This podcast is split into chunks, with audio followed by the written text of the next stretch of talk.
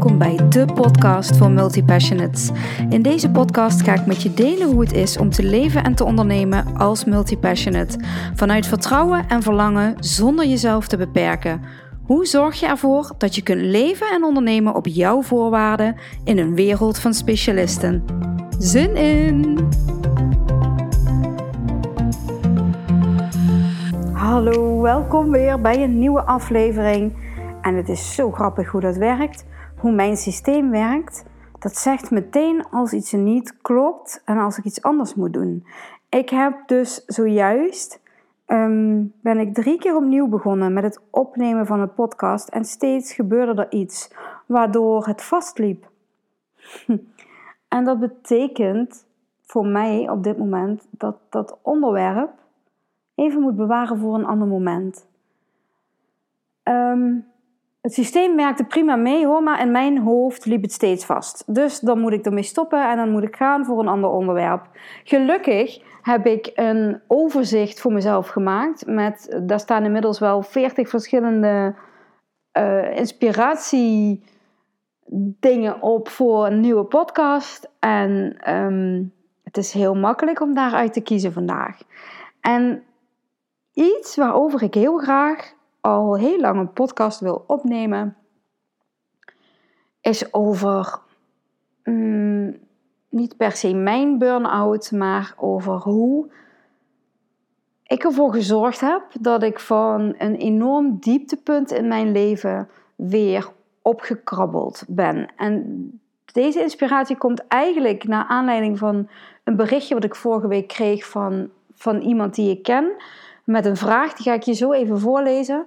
Ehm, maar dit is natuurlijk iets wat voor mij al langer speelt. Ik, ik praat daar heel open over. Mensen weten dit van me. En ik heb me ook voorgenomen om er ooit een podcast over op te nemen. En volgens mij is nu het moment. Een van de meest ingrijpende momenten van mijn leven is namelijk mijn burn-out. Of misschien wel een bore-out. Ik weet het niet precies wat het was. Ehm, ik heb een aantal ingrijpende momenten in mijn leven, maar dit is wel een van de meest recente. Ehm, in 2014 kreeg ik namelijk een enorme burn-out. Ik noem het maar even burn-out, want het zou ook zomaar een bore-out kunnen zijn. Ehm, en dat was echt een dieptepunt van mijn leven. Ik werkte op dat moment als werkgeversadviseur uh, bij een gemeente. En ik zat in een nieuw project waarin de multipassionate in mij heel ernstig naar boven kwam. Want ik vond alles interessant en alles leuk. En ik had een aantal collega's die bepaalde plannen moesten schrijven waar ze eigenlijk geen zin in hadden. Of waar ze eigenlijk weinig kennis van hadden. En op dat moment was ik degene die zei: Kom maar, doe ik wel. Vind ik leuk, kom maar door. Het was echt een periode waarin ik heel veel aan het werk was, maar daarnaast ook heel erg gefrustreerd was over de omgeving waar ik in werkte. Moet je weten dat werken bij de overheid niet altijd bepaald een walk in the park is. Het is een hele stroperige, stugge omgeving met ehm, heel veel mensen met een fixed mindset. Heel veel mensen die ehm, niet heel vooruitstrevend zijn en die het vooral veilig voor zichzelf willen houden. Als je mij een beetje kent, weet je dat ik alles behalve dat ben en dat ik continu op zoek ben naar de uitdaging. En dat ik ook echt bereid ben om risico's te nemen, ook als dat betekent dat daarmee mijn baan op het spel komt te staan. Ehm, die omgeving was niet bepaald heel goed voor mij. Dus naast het feit dat ik het werk heel leuk vond wat ik deed, vond ik de omgeving waarin ik zat ehm, minder leuk. Je moet weten, ik uh, rookte toen nog. Ik kan het mezelf bijna niet meer voorstellen. En ik zat dagelijks in het rookhok en daar zaten we met allemaal hele leuke mensen. Mensen waar ik echt wel een klik mee had. Maar het enige wat we daar deden was klagen over de organisatie. Um, nou word je daar per se niet echt heel erg vrolijk van. Dat kun je vast begrijpen. Dus dat werkte niet heel erg mee. Dat is iets wat ik achteraf pas zag. Hè. Toen ik het uit de situatie was, zag ik pas hoe toxic het was. Maar op dat moment had ik dus nog helemaal niks in de gaten. Ik rende de poten onder mijn lijf, ik deed alles, ik vond het fantastisch, had ik mezelf verteld. Ehm, En het ging goed. En toch waren er in mijn omgeving een aantal mensen die me regelmatig vroegen: Gaat het wel goed met je? En achteraf had ik dat wel als signaal mogen zien, maar dat zag ik zo niet op dat moment. Ik keek ze vooral heel raar aan en dacht: Hoe bedoel je, gaat het wel goed met je? Natuurlijk gaat het goed met me, niks aan de hand. Um, little did I know. Het ging helemaal niet goed met me, maar ik had het zelf helemaal niet in de gaten. Tot er een moment kwam waarop ik heel vaak last had van hartkloppingen. Maar echt heel vaak last had van hartkloppingen. Um, maar goed, ik dacht, oh grappig, hartkloppingen. Nou ja, hè, misschien, uh, misschien moet ik af en toe eens iets rustiger aan doen, maar that's it. Tot ik ineens heel vaak ziek werd. Heel vaak de griep kreeg, verkouden werd, um, van allerlei ontstekingen had, keelontsteking, um, ontstekingen in spieren en gewrichten. Maar ik, het, ging niet, fysiek niet heel erg fantastisch met me, maar zelfs dat was voor mij geen signaal. Maar op een gegeven moment had ik een periode van, ik denk wel meer dan 72 uur, waarin ik niet geslapen had. Maar wel gewoon naar mijn werk ging. En ik zelfs nog mezelf vertelde, niks aan de hand joh, dat komt wel weer goed. Ik, het zal wel de volle maan zijn, ik weet niet wat ik mezelf had wijsgemaakt. Het komt goed. Totdat iemand tegen me zei, misschien moet je toch even naar de huisarts. En ik dacht, ja oké, je hebt een punt. Dus ik ging naar de huisarts met het verhaal. Ik heb last van hartkloppingen en ik slaap niet. En mijn huisarts zei tegen mij: hm, Misschien moet jij eens even wat rustiger aan gaan doen. En ik heb er aangekeken alsof ze van een andere planeet kwam. En ik dacht: Wat bedoel je met rustig aan doen? Ze zei: Weet je wat? Ga jij eens twee weken thuis zitten en goed voor jezelf zorgen. En slapen en dat soort dingen. Um, ik dacht nog, oké, misschien, misschien iets in mij voelde, oké, misschien heb je een punt. Dus ik heb op dat moment ziek gemeld en tegen mijn leidinggevende gezegd: Dit um, ga ik twee weken doen en dan ben ik er weer. Ik heb toen twee weken thuis gezeten en in de tweede week dat ik thuis zat, kreeg mijn vader een hartaanval. En hij belandde in het ziekenhuis. En toen heb ik, je moet weten dat in de eerste week dat ik thuis zat, dat ik denk ik elke dag even op kantoor ben geweest om dingen over, zaken over te dragen aan mijn collega's om te checken hoe het ging. ja, en de tweede week dacht ik, nou ga ik echt even helemaal niet naar kantoor en nou blijf ik thuis. En ehm, ja, toen kreeg mijn vader dus een hartaanval. Um, ik heb toen de hele week elke dag in het ziekenhuis gezeten. Eerst uh, in Eindhoven, of eerst in Roermond, toen in Eindhoven. Um, toen mocht hij weer naar huis. En toen kon ik weer gaan werken, maar mijn hele lijf kon niet gaan werken.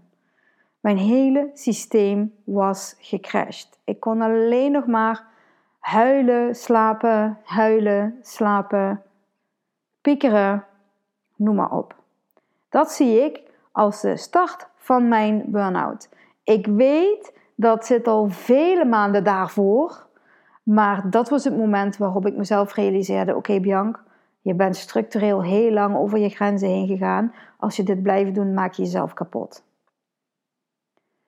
Ik had een leidinggevende die zelfs tegen me zei: Ja, dat zag ik aankomen.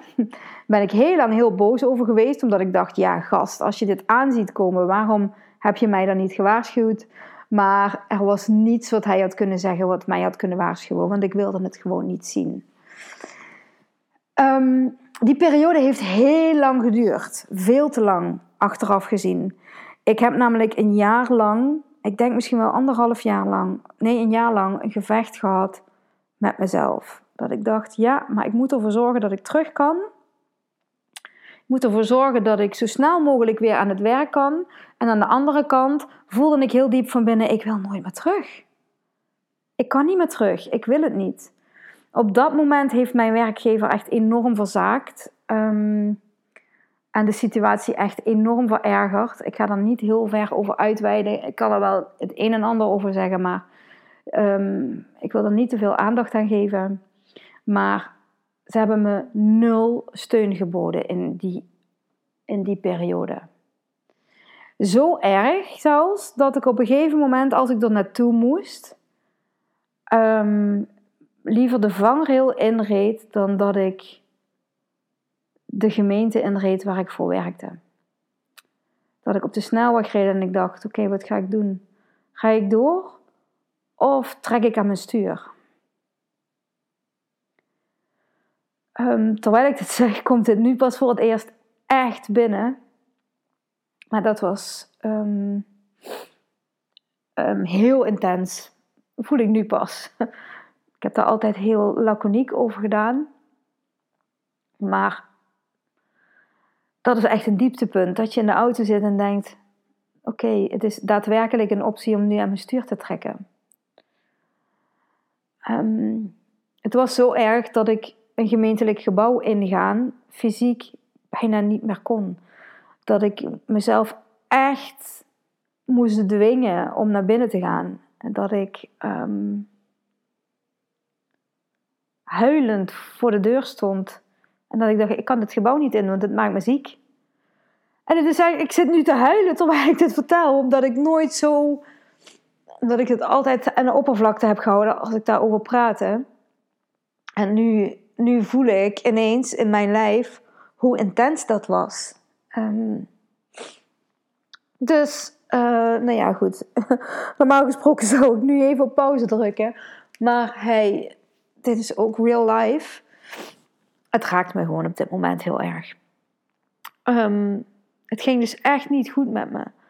En ja, zoals je net hoorde, mijn werkgever uh, werkte ook niet heel erg mee en maakte de situatie alleen maar erger. En ehm, op een gegeven moment kwam er een nieuwe interim HR-manager waar ik mee om de tafel ging zitten. En ik hem vertelde wat er allemaal mis was gegaan.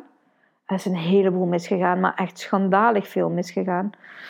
Um, en dat vertelde ik allemaal tegen die HR-manager. En die keek me aan en die zei: Jeetje, Bianca, wat heftig. En um, ik ga mijn best doen om jouw vertrouwen in de organisatie weer terug te winnen. Want dit verdien je niet. Um, Jezus, ik kan niet stoppen met huilen, maar um, hij zei dus: Ik ga echt mijn best doen. Wat er vervolgens gebeurde was: Hij zei: Weet je wat, we spreken volgende week donderdag af, 10 uur s ochtends. En dan gaan wij samen een plan van aanpak opstellen, want we waren al een dik jaar verder en dat plan van aanpak was er nog niet. Ondanks dat ik al 40 keer gevraagd had om een plan van aanpak. Dus dat is een van de dingen die, um, die misgingen, waar niet aan meegewerkt werd. Ehm, hij had mij beloofd, volgende week donderdag om 10 uur zitten we hier. En dan gaan wij werken aan een plan van aanpak voor jou. En dat gaf mij zo'n zo'n boost op dat moment dat ik dacht: oh yes, eindelijk, er zit vooruitgang. En ik kwam die volgende week, ik kwam die donderdag het kantoor inlopen met weer net zoveel moeite als dat ik dat die week daarvoor had gedaan. En ik zit te wachten en hij komt niet opdagen. En zijn excuus was: oh, sorry, oeps, ik had het niet in mijn agenda gezet. En ik kon onverrichter zaken weer naar huis. En ik weet nog dat ik thuis kwam en dacht: het heeft allemaal geen zin meer. Ik, ehm, ik weet niet meer wat ik moet doen om mijn werkgever in beweging te krijgen. Want ik wil zo graag vooruit, of dat nou bij de gemeente is of dat niet bij de gemeente is. Ik wil zo graag vooruit, maar ja, ik word maar steeds, ik kom niet vooruit. Achteraf ben ik daar super dankbaar voor dat zij het zo verkloot hebben. Maar ehm, ik kwam niet vooruit. En op dat moment keek mijn vriend me aan en die zei: Bianc, wordt het niet eens tijd om een knoop door te hakken? Wil je eigenlijk nog terug? En alles in mijn lijf, elke vezel in mijn lijf riep: Nee, nee, nee. Ik wil niet meer terug. Ik kan niet meer terug. Ik, dit komt nooit meer goed. Er is geen vertrouwen meer en er is niets wat zij nog kunnen doen om mijn vertrouwen terug te krijgen. Dit is blijvend kapot. Dat was voor mij het moment waarop het herstel begon. Ik had een knoop doorgehakt. Ik heb een afspraak gemaakt en ik heb gezegd: jongens, dit gaat stoppen. Ik ga dit niet meer doen. Ik wil dit niet meer doen. Ik wil dat wij uit elkaar gaan. Um, maar ik wil ook niet mijn ontslag nemen, want ik ben op dit moment nog niet in staat om ook maar iets te doen. Of dat nou solliciteren is of een bedrijf starten of wat dan ook. Ik wil wel dat wij een goede overeenkomst hebben, waardoor jullie verantwoordelijkheid nemen voor het proces wat er nooit geweest is.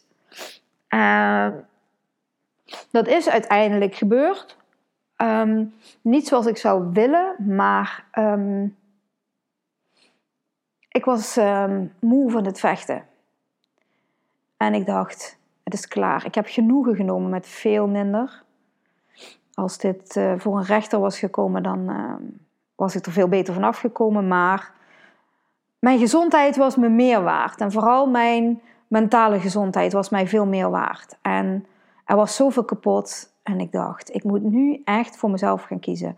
Zelfs als dat betekent dat ik toe moet geven aan iets waar ik niet aan toe wil geven. Als ik me toen goed genoeg gevoeld had en als ik toen sterk in mijn schoenen had gestaan, had ik het tot het uiterste gedreven. Was het voor de rechtbank gekomen en was er een hele andere uitslag geweest. Maar ik kon het niet. En dat is achteraf ook helemaal oké. Ehm, ik zou er een boek over kunnen schrijven, maar dat uh, kan niet, mag niet. Doe ik ook niet. Veel te veel bad vibes. Um, maar dat is wat er gebeurde. En vanaf dat moment heeft het zeker nog een jaar geduurd voordat we een vaststellingsovereenkomst hadden. Uiteraard duurt dat dan lang. Maar dat was het moment waarop ik aan mijn herstel kon beginnen. Eerder kon dat niet. Maar ik kreeg van de week de vraag van iemand die ik ken, die vroeg: um,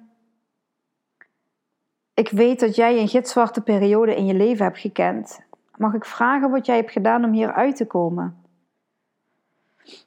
Ik ben zelf al meer aan de wandel om mijn hoofd leeg te krijgen en um, ook al gestart met yoga, maar tot nu toe nog geen soelaas. Um, en er wordt gezegd, ik ben, al meer, ik ben al meer aan de wandel om mijn hoofd leeg te krijgen en zelfs een tweetal weken geleden gestart met yoga. Tot nu toe geen solaas. Um, nog even het eerste stukje van dat berichtje. Mijn innerlijk kompas is naar de kloten. Ik voel me waardeloos. De zoveelste therapeut die zich stuk bijt op mijn uitdaging. Of waarbij ik het idee heb dat ik niet vooruit kom. Het voelt alsof ik een lost cause ben. Ik ken dit gevoel zo goed, hè? Um, ik noem ook geen namen. Ik, um, als de persoon deze podcast luistert, dan um, wordt het wel duidelijk. Maar ik vind het zo'n mooie vraag en ik vind het zo jammer als deze vraag achter gesloten deuren blijft, omdat ik weet dat heel veel mensen hiermee worstelen. En ik ga je even mijn antwoord voorlezen. Allereerst, je kompas is niet naar de kloten. Je kompas is nooit naar de kloten, hè? even een side note. Je kompas zal er altijd zijn. Deze persoon heeft gewoon in een omgeving gezeten waarin het kompas niet belangrijk was. Ik stuurde dus je hebt op andere waarheden vertrouwd die niks met je innerlijke kompas te maken hebben. Dus hoe dichter je bij jezelf komt, hoe beter je gaat leren luisteren naar je kompas. Het is niet kapot, je moet het gewoon opnieuw leren herkennen. En je bent al helemaal geen lost cause, al weet ik dat het soms wel zo aanvoelt. Wat mij op de been hield was de wetenschap dat dit proces mij heel veel zou gaan brengen. Um, vanaf het eerste moment wist ik, Bianc, een burn-out gaat alles in jouw leven veranderen. Alles, alles, alles. En dat klopt echt. Ik kon mezelf dat op dat moment vertellen, maar ik geloofde het nog niet. Maar ik wist wel, als ik hier uiteindelijk uitkom, dan weet ik dat het beter met me gaat. Beter dan dat het ooit met me ging. Maar zoals dit bericht dus begint, mijn, mijn innerlijke kompas is kapot. Dat kan niet. Je hebt er alleen uh, heel lang niet meer naar geluisterd, waardoor je gewoon niet meer weet wat jouw innerlijke kompas is en wat jouw conditionering is. In zo'n omgeving snap ik dat ook heel erg. Vooral in een gemeentelijke omgeving bijvoorbeeld, is jouw innerlijke kompas niet altijd van belang. Maar in het bedrijfsleven ook niet. Dus ik snap dat je dat gevoel kunt hebben dat het kapot is, maar het is niet kapot. Ehm, wat ik ook heel veel mensen bijvoorbeeld hoor zeggen is: Ik hoop dat ik snel weer de oude ben. Ik hoop van niet. Ik hoop echt van niet. Want als je weer teruggaat naar wie je was, ga je weer creëren wat je gecreëerd hebt. Dus ik hoop dat als jij nu in een burn-out zit, dat je nooit meer de oude wordt. En misschien denk je, wow, wow, fuck, Bianca, wat bedoel je hiermee?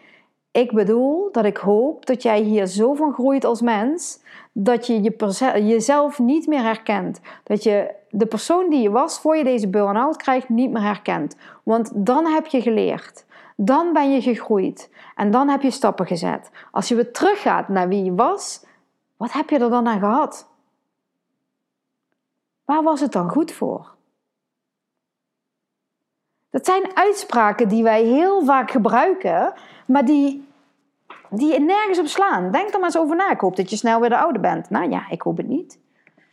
Want dan ga je dit weer creëren in je leven en dat wil je gewoon niet.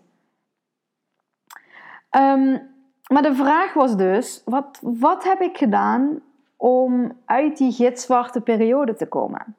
Laat ik beginnen met zeggen: ik heb ook aardig wat therapeuten versleten. Psychologen, therapeuten, noem maar op. Vooral psychologen. Die zijn zo makkelijk om de tuin te leiden.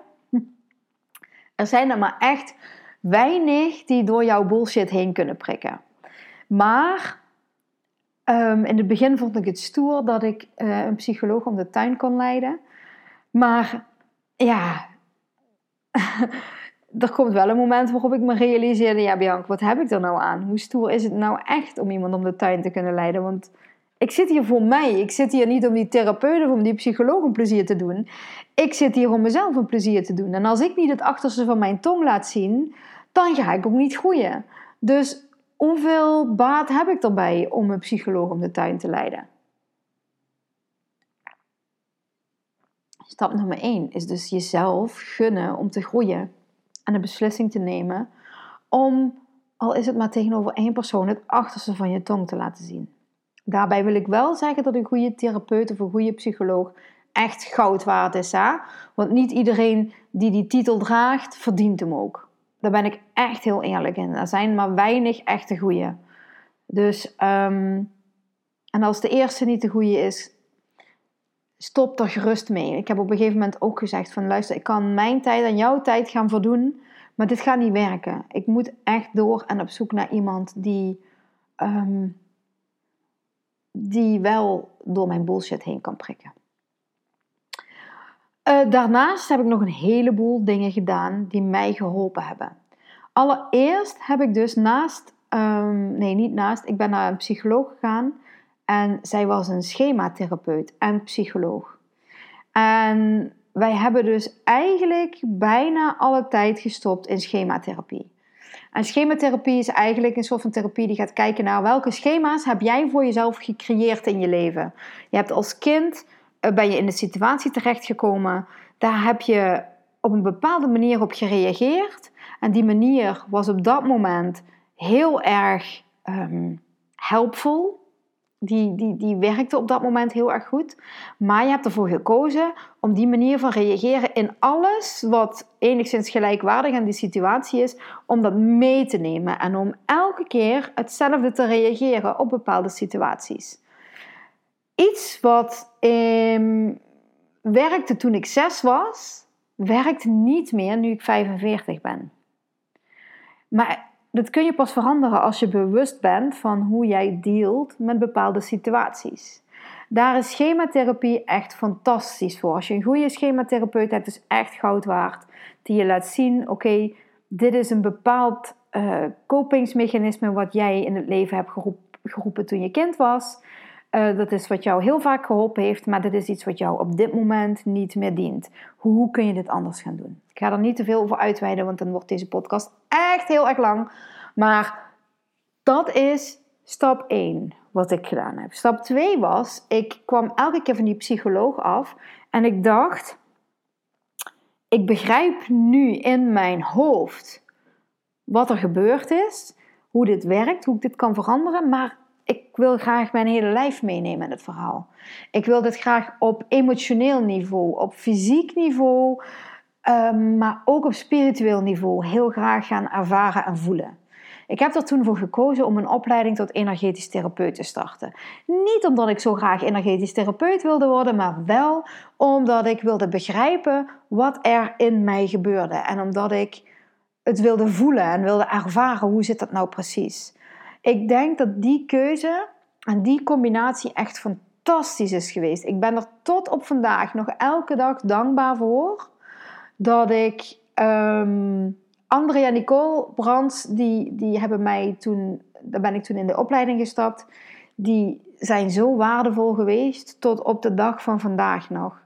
Um, fantastisch. Destijds hadden ze nog een opleiding.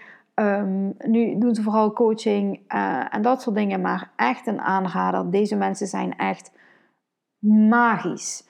Maar um, anyway, dat was voor mij de ideale combinatie. Psychologie, of een psycholoog, uh, schematherapie en de energetische therapie. Dat was echt fantastisch. Um, nog een heel belangrijk ding en dat is wel naar aanleiding van die laatste zin in het bericht. Hè? Ik ben al meer aan de wandel om mijn hoofd leeg te krijgen. En zelfs een tweetal weken geleden gestart met yoga. Tot nu toe nog geen soelaas. Nou, geduld is een schone zaak. En dat meen ik echt. Wat wij vanuit ons systeem willen, is dat wij um, resultaat willen forceren. Dat we vooruitgang willen forceren. Zolang we dat doen, zolang wij datums stellen aan ons herstel, zolang wij bijvoorbeeld zeggen over twee weken uh, zitten we weer met elkaar en dan kijken we of we dan stappen kunnen zetten. Dat betekent dat er op dat moment een soort van druk op jou ligt. Over twee weken moet je daar en daar staan. Daarmee ga je jouw herstel proberen te forceren en ga je denken, nou hey, ik zit al twee weken op yoga, maar er gebeurt nog steeds niks. Ik heb inmiddels geleerd dat yoga een proces is wat je hele leven meeloopt. Ehm, twee weken yoga gaat jou nog helemaal niks brengen. Het is een proces waar je doorheen moet. En het is het mooie aan yoga. Yoga laat je zien dat je niet kunt forceren. Dat het niet gaat over het eindresultaat. Dat het niet gaat over in een spagaat kunnen zitten of op je hoofd kunnen staan. Maar dat het gaat om het proces naartoe. Het gaat over het proces naar die perfecte uh, uh, hoofdstand of die perfecte spagaat of whatever. Het proces daar naartoe. Welke dingen kom je in jezelf tegen? Welke frustraties kom je tegen? Wat zegt dat over jou? Hoe vind je ruimte in die frustratie? Hoe vind je ruimte in die pijn? Um, het is een proces. En een burn-out of een bore-out is ook een proces. En gun jezelf dat proces, hoe moeilijk dat ook is, om het niet te forceren. Gun jezelf geduld en gun het jezelf dat je niet gaat forceren. En dus vooral accepteren. Niet willen controleren, niet willen sturen en al helemaal niet willen afdwingen. Heel belangrijk. Um, daarnaast heb ik op uh, spiritueel gebied een heleboel dingen gedaan. Ik ben um, veel meer gaan mediteren. Ik ben veel meer um, mensen gaan volgen. die ehm, het hadden over mindset, die het hadden over spirituele groei, dat soort dingen. Ik ben veel meer gaan onderzoeken waar ik echt als persoon heel blij van word. Ik ben namelijk van kinds af aan al super geïnteresseerd in spiritualiteit en alles wat daarmee te maken heeft. En ik heb dat altijd op een zijspoor gezet, omdat dat wazig was, zegt ze tussen aanhalingstekens. Omdat dat vaag was, omdat dat zweverig was. Maar ik wist, daar moet ik zijn. Dus daar ben ik veel meer gaan onderzoeken. En een van die dingen, um, één onderdeel van die zoektocht, was ayahuasca. Um, uh, niet iets wat ik per se iedereen aan zou raden. Um, hoe kan ik dat het beste uitleggen? Ayahuasca is iets, daar ga ik zo meteen even meer over vertellen, uh, is een plantmedicijn. Um, een best wel heftige uh, ervaring. Het is een plantmedicijn en ayahuasca is iets dat, um, ze noemen het ook moeder ayahuasca, is iets wat jou roept is iets wat jou aanspreekt, is iets wat je triggert. Ik had bijvoorbeeld uh, al vijf jaar daarvoor al een keer gehoord um, van ayahuasca. Maar niets in mij voelde een trigger. Niets in mij dacht, hm, nieuwsgierig, ik wil weten wat het is. Ik heb het laten gaan en toen kwam dat naar boven en toen werd ik aangezet. Ik weet niet wat het naar boven bracht, maar uh, misschien zag ik iets op social media voorbij komen, ik weet het niet. Maar het triggerde iets in mij en ik werd heel nieuwsgierig. Dat is het moment waarop moeder ayahuasca mij riep en zei: Ga dit onderzoeken. Ik ben dit gaan onderzoeken. Ik heb documentaires gekeken, ik heb boeken gelezen, ik heb heel YouTube afgestruind over informatie over ayahuasca. Ik heb mensen gesproken die um, ayahuasca gebruikt hadden ik heb alles onderzocht voordat ik het ging doen. En ik heb wel besloten meteen al, dit ga ik doen. Ik weet alleen nog niet wanneer. Nou, dat wanneer um, kwam sneller dan gedacht. Ik had een ceremonie ingepland bij um, de gewijde reis destijds. Ze bestaan nog steeds, uh, doen volgens mij alleen geen ayahuasca-ceremonies meer, omdat dat officieel niet mag in Nederland. Um, maar ik koos ervoor om daar een ayahuasca-ceremonie te doen. Ehm, een hele intense ervaring, maar ook een prachtige ervaring. Ik heb zoveel geleerd over mezelf. Dat is misschien wel een complete podcast waard om al die inzichten uit mijn ayahuasca-ceremonie, om die daar te delen. Um, maar, oh, ja, het heeft mij zoveel gebracht. Qua intensiteit ook. Het was echt um, vooral fysiek voor mij heel heftig. Maar een ayahuasca-ceremonie is voor iedereen anders. De ervaring is voor iedereen anders. Maar dat is wel iets wat mij heel erg geholpen heeft op dat moment. Daarnaast zijn er nog wat dingen die mij geholpen hebben. Um, een daarvan is ademhaling. Um, zo was ook een onderdeel van mijn ayahuasca-ceremonie. Uh, de begeleider destijds was ook een ademcoach, is ook een ademcoach. En heeft een, voordat we begonnen aan de ceremonie, hebben wij een holotropische ademsessie gedaan van een uur. Um, een verbonden ademhalingssessie van een uur. En nou moet je weten dat ademen veel meer is dan dat wat wij denken dat het is het zuurstof inademen en je lichaam voorzien van heel veel zuurstof is zo ontzettend goed voor je. Um, en dan heb ik het niet over de manier waarop wij ademhalen. Want wij ademhalen, onze ademhaling is over het algemeen heel oppervlakkig. Bovenin in onze borstkas. Heel oppervlakkig, niet bewust. Um, maar in zo'n verbonden ademhalingssessie, daar gebeuren magische dingen, kan ik je vertellen. Nou, zelfs Siri heeft commentaar. maar het is echt magie wat daar ontstaat. De stofjes die jouw lijf aanmaakt in een ademhalingssessie zijn niet te evenaren. Um, dus dat was een belangrijk onderdeel. En nog een belangrijk onderdeel is, en dat, dit is misschien wel pas tegen het einde van mijn burn-out, toen ik eigenlijk al begonnen was met ondernemen, Um, toen heb ik bij een vriend van mij, bij Bart Scholtussen, een ijsbad, een Wim Hof ijsbad sessie gedaan. Inmiddels heb ik dat vaker gedaan. Ehm, ik, ik, weet nog dat ik hem ontmoette en dat hij vertelde wat hij deed. En hij zei: Ik geef ijsbadsessies. Uh, nee, dat is niet het juiste woord, maar ik kom er even niet op. Maar, en toen dacht ik: Nou, Bart, het is leuk je te ontmoeten. Groetjes en misschien zien we elkaar ooit weer. Ehm, want het eerste wat ik tegen hem zei was: Ik heb een hekel aan kou. Ik heb een hekel aan kou. En uh, dat ga ik niet doen. Ga ik nooit doen. Forget it. En ik denk dat uh, Bart vijf minuten nodig had. uh, totdat ik zei: Oké, deal. Ik ga een ijsbad sessie bij je doen. Um, en dat heb ik gedaan. En dat heeft mij zoveel geleerd over mijn lijf, over hoe ik deal met situaties. Want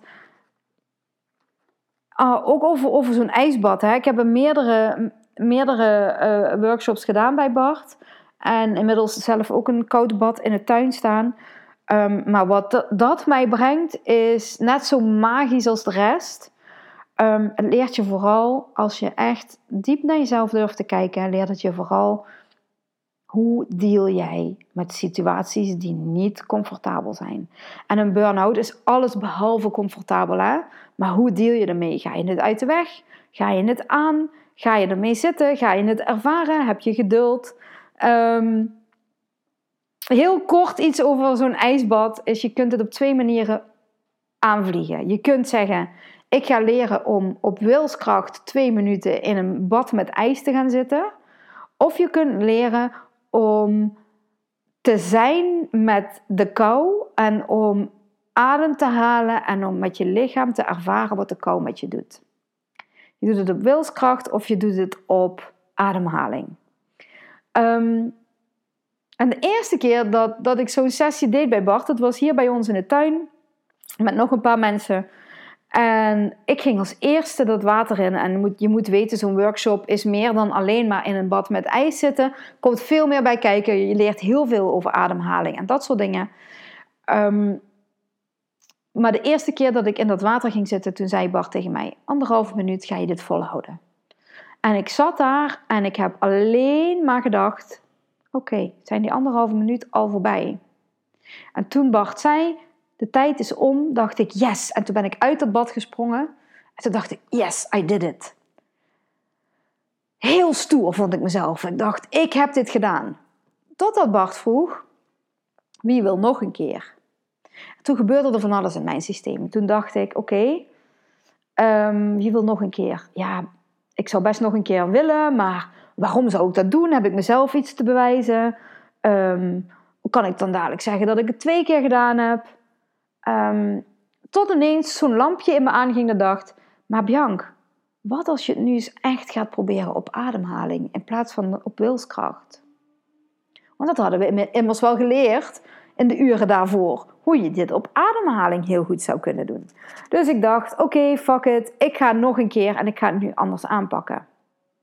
Ik ben het bad ingestapt en ik ben heel erg gaan letten op mijn ademhaling. Ik ben heel erg in mijn lijf gezakt. En dat is sowieso magisch om echt in je lijf te zijn. En dat leren we veel te weinig als je het mij vraagt. En ik heb toen op ademhaling daar gezeten. En het magische was dat ik het geen seconde koud heb gehad. Ja, het eerste gedeelte misschien. Maar dat ik daarna voelde dat mijn lijf gewoon warm werd. Dat het vuur in mij zat. En dat het niks te maken had met mijn omgeving. Die warmte zit in mij. Die ervaring was magisch. En toen Bart zei, Bianca, je zit er al meer dan anderhalve minuut in, dacht ik, ik kan best nog even blijven zitten. Die switch was magisch. Dat inzicht, het inzicht van hoe deel je met dingen in je leven, doe je dat op wilskracht of doe je dat door ze te omarmen, door ze niet uit de weg te gaan, door het niet te doorstaan vanuit hardheid, maar vanuit zachtheid voor jezelf. Ja, nou ja, goed. Ik, ik kan hier echt uren over doorgaan. Um, Maar dat, dat ga ik nu niet doen. Ik ga er vast, uh, misschien ga ik Bart nog wel eens een keer interviewen hierover. Ik heb ooit al eens eerder een podcast met Bart opgenomen. Die staat volgens mij niet meer online. Maar wie weet, um, komt er een nieuwe. Um, maar belangrijk is dus echt geduld en leer jezelf steeds beter kennen. Dus, um, een korte samenvatting van wat ik gedaan heb om mij beter te gaan voelen en om te komen waar ik nu ben. Is allereerst knopen doorhakken. Stoppen met wat mij niet meer dient.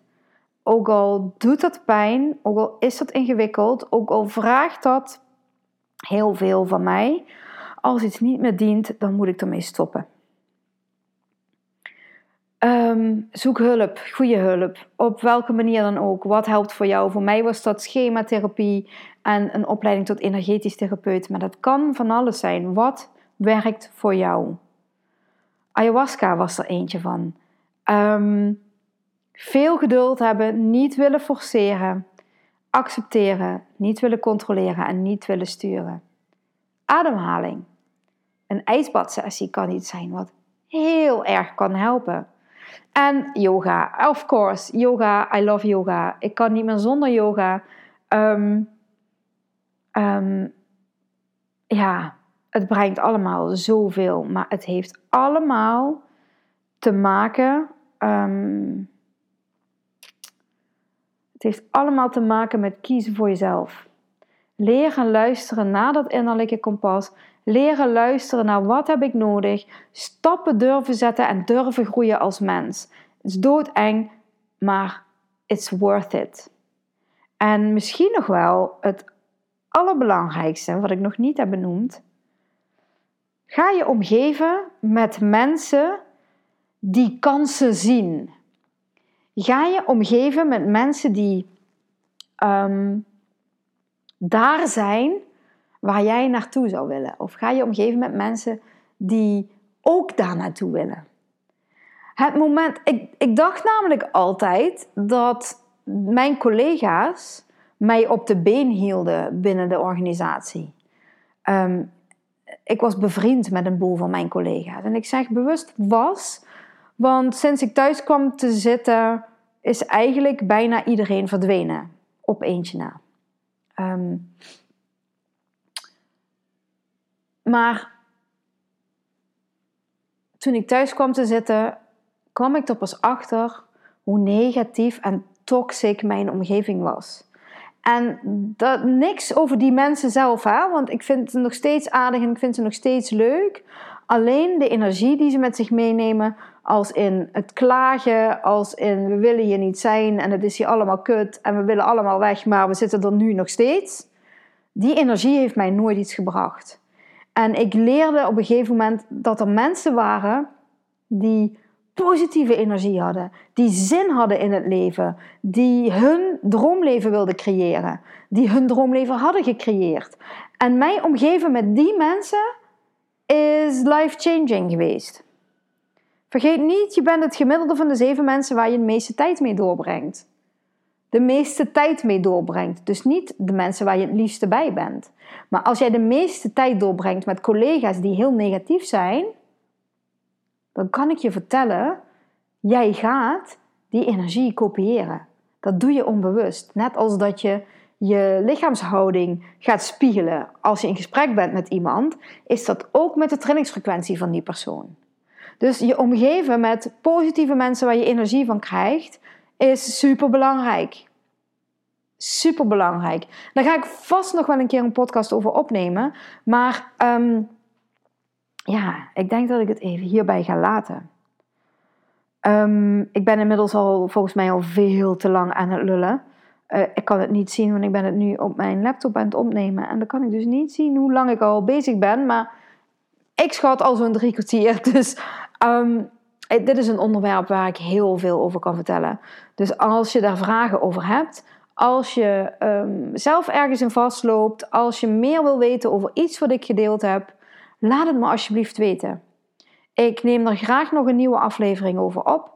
En ehm, ik hoop dat als jij je nu in een situatie bevindt waarin het niet goed met je gaat, dat je hier wat aan hebt. Al is het maar aan één zin of aan één woord wat ik gebruikt heb in deze podcast.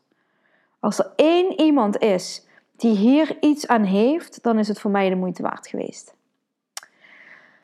Dankjewel voor het luisteren. En um, ja, tot de volgende.